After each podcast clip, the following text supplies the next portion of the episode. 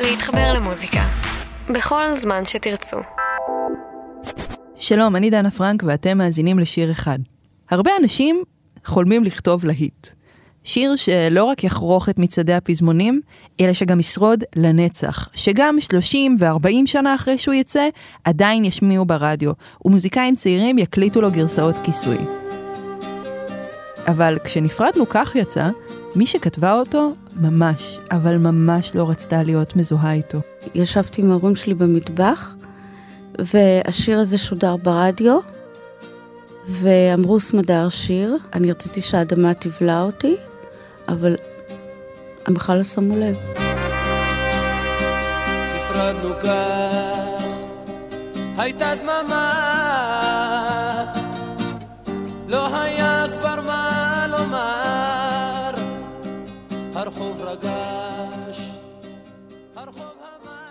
אבנר גדסי לא ממש בחר במוזיקה. המוזיקה הגיעה אליו. כשהיה בן שש, כמו ילדים אחרים בעדה התימנית, הוא למד לשיר. אבא שלי שלח אותי למורי, ושם לומדים את פרשת השבוע. קוראים אותה, כל אחד בתור שלו. ואם לא קראתי טוב, אז בערך עשר שנים אחר כך, בגיל 15, באמצע שנות ה-60, הוא גילה את אהבת חייו, הרוקנרול.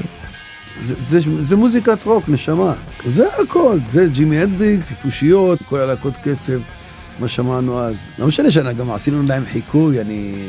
היה לי חדר בבית, עבודה, שקניתי את הגיטרה החשמלית, ומגבירים ותופים, וכל יום היינו מכסחים. אבל לשמוע תקליטים בבית ולשחק אותה רוקסטאר, לא ממש סיפק את אבנר. בתל אביב, שמחוץ לשכונת התקווה, התלקחה מהפכה של להקות קצב. מועדונים עם שמות מטורפים כמו אמא מתגלחת ואבא בהיריון, חרכו את השוליים. ואנשים נדחקו כדי לרקוד לצלילי הלהיטים החדשים של הצ'רצ'ילים והשמנים והרזים. חמוש במדים הרשמיים של הימים האלה, אבנר התחיל לפקוד מועדונים ברחוב המסגר. או לפחות לנסות. הייתי בא מתפלח, או בהתחלה לא כל כך התפלחתי, כי לא הצלחתי. בוא נגיד שלא הצלחתי להתפלח, אז ראיתי מה- מהחלון הקטן הזה, מסתכל, רואה איך מנגנים. בתחילת שנות ה-70 נפתח מועדון קצב בבריכת גלית, ביד אליהו. זה כבר היה ממש קרוב הביתה, ואבנר התחיל לעלות ולשיר שם. לא היו לו המון חומרים. הייתי שר את השירים שלי, אבל במילים שאני כתבתי. הייתי כותב איזה חרטט, ככה, את את, אה, בית פזמון. הכי מצחיק שהייתי את השיר של אה, צביקה פיק, לפני שהוא עולה, אני שר, אל תגידי כן. ואז הוא עולה ושר? ואז הוא עולה, או בלי. קשר, הוא עולה תכף אחריי. אל תגידי כן, ואל תגידי לא. ללא ספק, היו אלה ימים מוזרים, בהם אדם יכול היה לחמם אמן מצליח עם קאבר ללהיט של אותו אמן. ואם זה נשמע שאבנר היה אדם מלא במוטיבציה מהסוג שמזיזה ערים ממקומם, זה לא בדיוק היה המצב. הייתה לו אהבה גדולה למוזיקה, אבל לא הרבה מעבר. לא היה לי שום כוח בכלל, אני חייב להגיד ולהודות ולהתוודות שאני לא משכתי את עצמי לאף מקום. פשוט משהו לקח אותי, משהו הרים אותי, מיש... כל הזמן זה מישהו שלקח אותי. אני לא, אני ילד ביישן מאוד. אחד האנשים הראשונים שזיהו אותו היה מיכה דר. הוא בכלל היה כתב ספורט, אבל הוא שמע את אבנר מחרטט מילים לפני הופעות של צביקה פיק והחליט שהילד הזה לא רע בכלל. הוא אמר לי, אתה בא איתי, אבנר? אני עושה לך תקליט. אנחנו ניקח את השיר. הייתי שר את השיר הזה, הלכת לבד, אל מצולות הים, לא ערך יותר לעולם. זה היה שיר מקורי של אבנר. לא עוד קאברים, מילים ולחן לגמרי שלו. זה לנו שיר סתם דמיוני. כל זאת בחדר סגור, שלל אורות ועולם קסום, כל בוקע והד עונה, שיר נכתב ברגע זה. אז זה המילים, המילים שלי, אומר לי, אבנר, הולכים להקליט את השיר הזה, אני משקיע כל מה שיהיה. מיכה ואבנר מצאו מעבד, הקליטו את השיר ושלחו אותו לרדיו. שמנו כסף, הוצאנו סינגלים, את קומוניקט, אבנר גדסי, את הפטטן וזה. ואז הם חיכו, וחיכו, וחיכו. ושום דבר לא קרה. ואז הוא אמר, תראה, כל, כל כך נשמה כזה, תמים, איך הם לא משמיעים כזה דבר? אני לא מאמין. התקליטון נגנז, הגרסה המקורית עבדה. אין את זה לא אצל אבנר, לא אצל מיכה, ולא אצל אף אחד מהימים ההם. אגב, אם אתם שומעים אותנו עכשיו ואתם אומרים לעצמכם, דווקא לי יש את התקליטון הזה, בבקשה צרו איתנו קשר. בכל מקרה, אבנר חשב שהשיר מת, אבל מיכה לא ויתר. אומר אבנר, שמעתי על בחורצ'יק אחד יוצא לקצבאית, אלדד שרים. שמעתי עליו, בוא ניגש אליו. הגענו לאלדד שרים, ואלדד זה המלאך משמיים.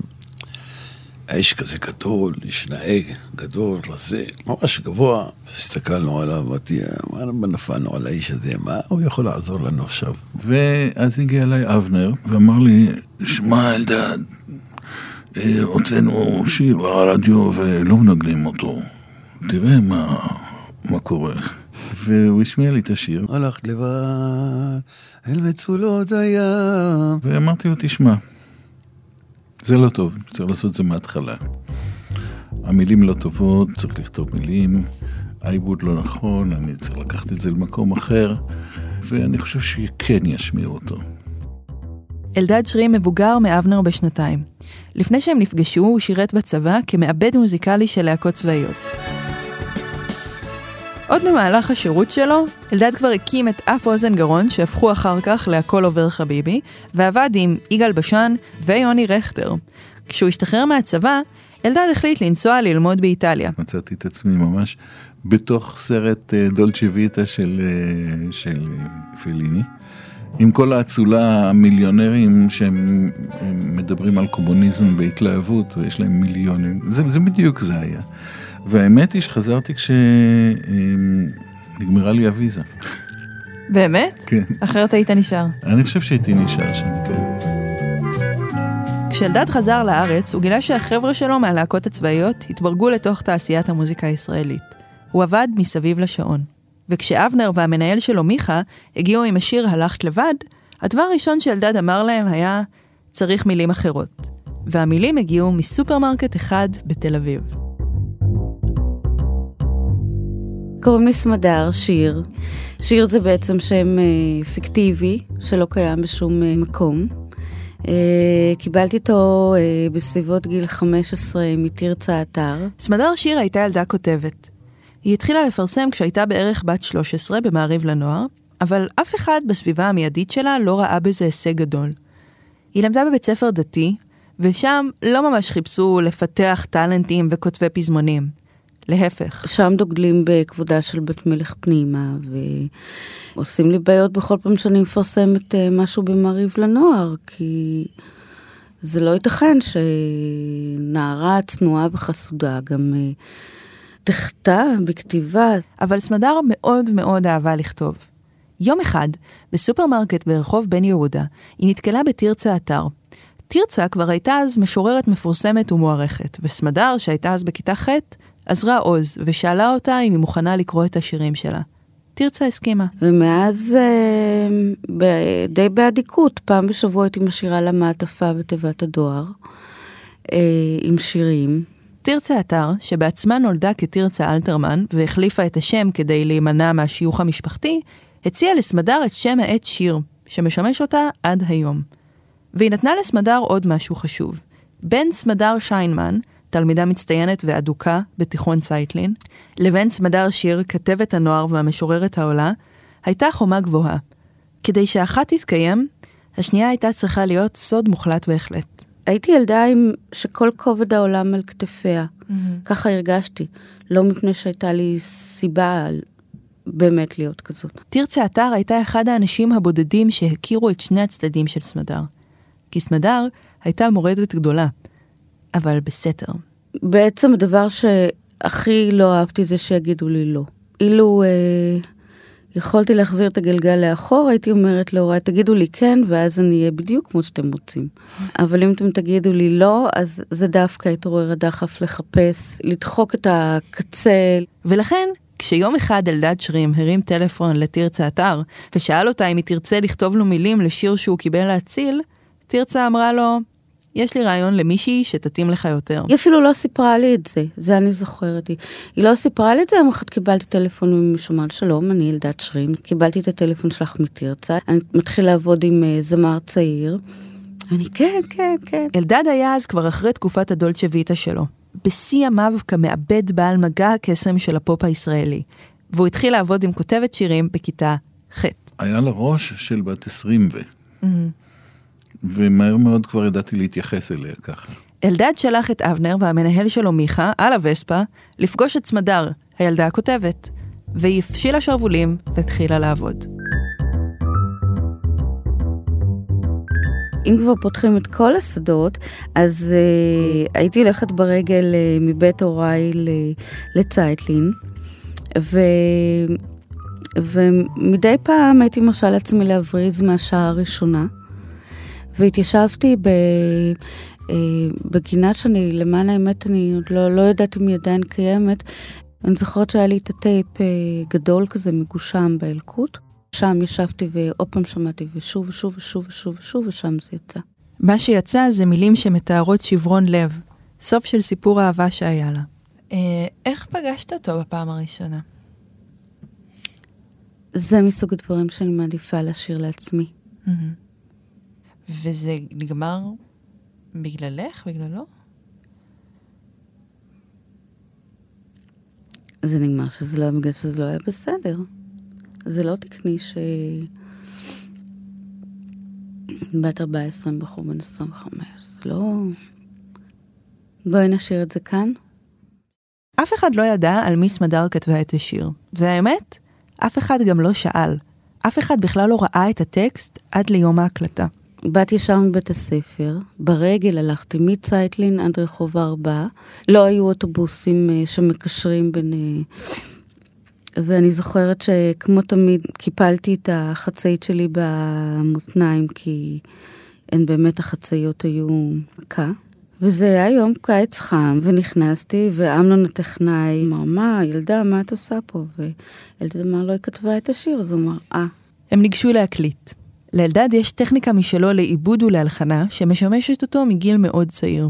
בשבילי כל שיר הוא... אמ, הוא מחזה קטן, ואני מביים אותו בראש, ומשם אני מגיע לעיבוד. ובשיר הזה, אלדד באמת דמיין פרידה. האמת, כשעשיתי את נפרדנו כך, ראיתי פרידה, אבל מערבונית, של סוס מתרחק לתוך השקיעה, מנפנפים לו, ולא רואים אותו יותר. ולפי זה הלכתי. וזה לא סתם שהוא בחר מערבון. באיטליה, אלדד היה אסיסטנט של אניו מוריקונה, מוריקונה הוא אחד המוזיקאים האיטלקים המצליחים ביותר בכל הזמנים, והוא ידוע בעיקר במוזיקה שעשה לסרטים. כשאלדד היה אסיסטנט של מוריקונה, הוא בדיוק זכה באוסקר הראשון שלו, מתוך שלושה, על הפסקול של הטוב, הרע והמכוער. כן? זה. רציתי באמת לקבל את האווירה הנורא גדולה הזאת והמדברית של, של מערבון, של ספגטי ווסטרן, מה שקראו. Mm-hmm. ולכן באמת הוספתי לא רק חצוצרה, אלא גם טרומבונים ו- וחליל אמ, וגיטרה קלאסית. מעבר לזה, הוספתי מקהלה. ואלדד עשה עוד שינוי אחד מהותי בשיר. אה, האמת, טכנית, הפכתי את זה מארבעה רבעים לשלושה רבעים, כדי שלא יהיו הפסקות גדולות בין, בין אה, שורה לשורה. אתה יכול לעשות, להדגים לי מה זה אומר? כן, תראי. ארבעה רבעים זה 1, 2, 3, 4, ואז נפרדנו כך. הייתה דממה, אז הורדתי, צופפתי קצת את המנגינה. אוקיי. ואז היא הייתה יותר רצופה. כן. נפרדנו כך, הייתה דממה.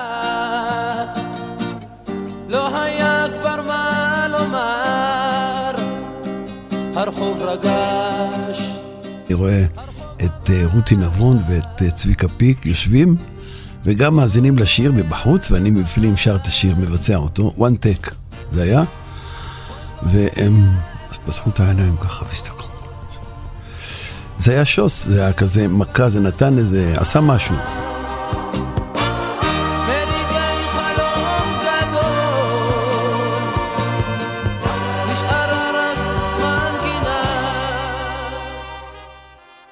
בניגוד לשירים האחרים של אלדד, שהיו מגיעים לרדיו עוד לפני שהוא היה מגיע הביתה מהאולפן, לנפרדנו כך, גם בגרסה המחודשת והמשולבת, לקחו כמה שבועות להגיע לרשימות ההשמעה. אבל הרחוב התאהב בו מיד. אנשים אומרים לי, תשמע, השיר, השיר שלך בתחנה מרכזית אה, זה. כל הזמן שומעים אותו, כל הזמן שומעים אותו, ואף אחד לא מכיר אותי, אני הולך, אף אחד לא יודע מי אני בכלל. ובאמת, כל הבסטות שם, נפרדנו כך, נפרדנו כך, נפרדנו כך, נפרדנו כך. ואז כל המועדונים, ואז כל הדיסקוטקים, אז היו רוקדים סלו ובוכים עם השיר הזה.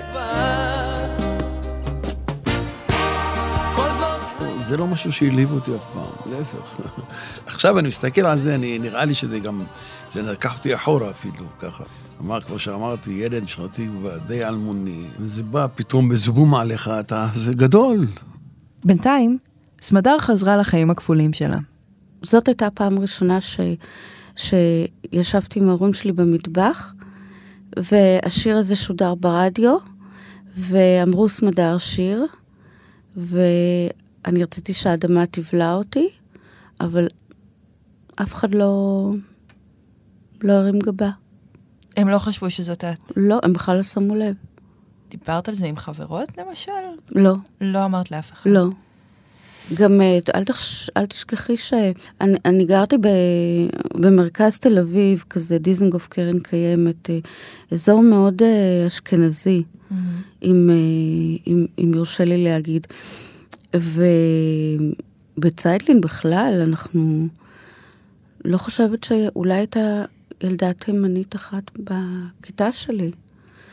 ומוזיקה מזרחית זה בכלל לא היה... כאילו, זה לא משלנו. Mm-hmm. זאת ההרגשה שבה גדלנו. רק חמש שנים לאחר מכן, החומה בין סמדר הכותבת לסמדר הנערה נפלה. זה קרה כשהיא ראיינה את רפול, רפאל איתן, למעריב לנוער. מכאן כבר אי אפשר היה לעצור את השטף. מאז ועד היום היא כתבה המון המון שירים. בין היתר, היא כתבה שירים להראל סקאט, לשרית חדד, לגבי שושן, וגם את איפה העוגה. והאמת, לסמדר יש כזה קילומטראז' מדהים ככותבת, כעיתונאית, כסופרת, כמשוררת, כפזמונאית, שיכול להיות שהיו שוכחים לה את השיר שכתבה אז בכיתה ח'. אבל בשנת 2009, משהו קרה. זה היה יום חמישי בבוקר, אה, ש... מש... אפילו לפני שמונה, פתאום כל הזמן הטלפון מצלצל ואני עוד לא מאופסת על עצמי ולא מבינה מה קורה, ומצלצלים אליי מהרדיו, דודו התאבד, מה יש לך להגיד על זה? הלו, חכו, מה, מי, איפה? וב-11-12 צלצל העורך של ידיעות אחרונות ואמר לי, סמדר, את רוצה לכתוב משהו? אמרתי, כבר כתבתי. הוא אמר לי, מה? אז אמרתי, נפרדנו כך.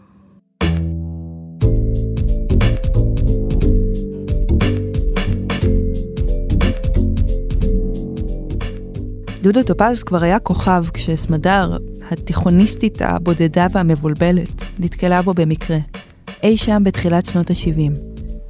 ב-20 באוגוסט 2009, הידיעה על ההתאבדות שלו ועל המשברים האיומים שהובילו אליה, הציפו בה רגשות שהיא חשבה ששכחה מזמן. סמדר יצאה מהארון, שוב, עם סוד אחר, על אהבת נעוריה.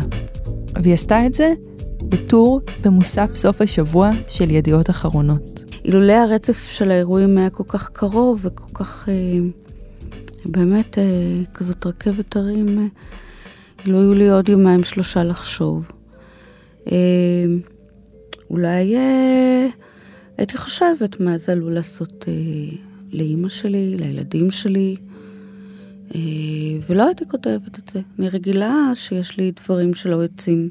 למרות כל זה, כשסמדר שומעת את השיר ברדיו, הדבר הראשון שהיא חושבת עליו זה לא דודו, לא הטור ולא השערורייה.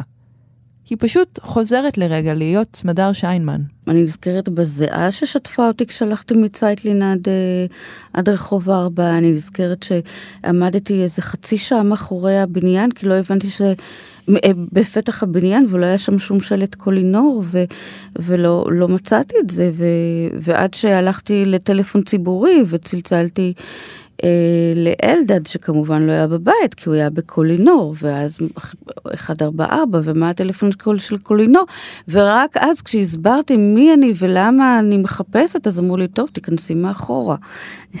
אני נזכרת בדברים אה, מאוד אה, קטנים. אני דנה פרנק ואתם האזנתם לשיר אחד.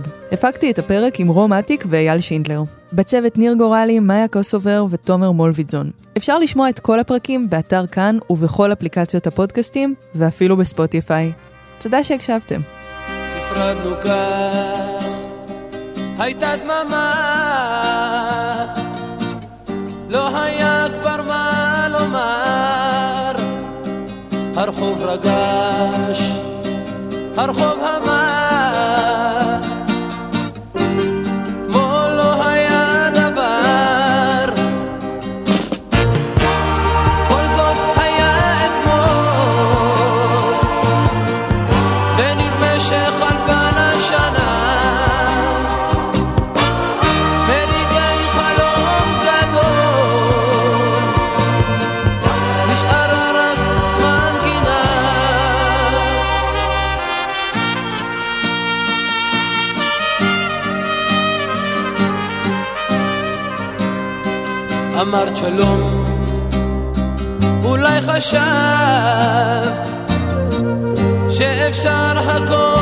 לשנות. היה עצוב שזה לא כך. אמרתי רק להתראות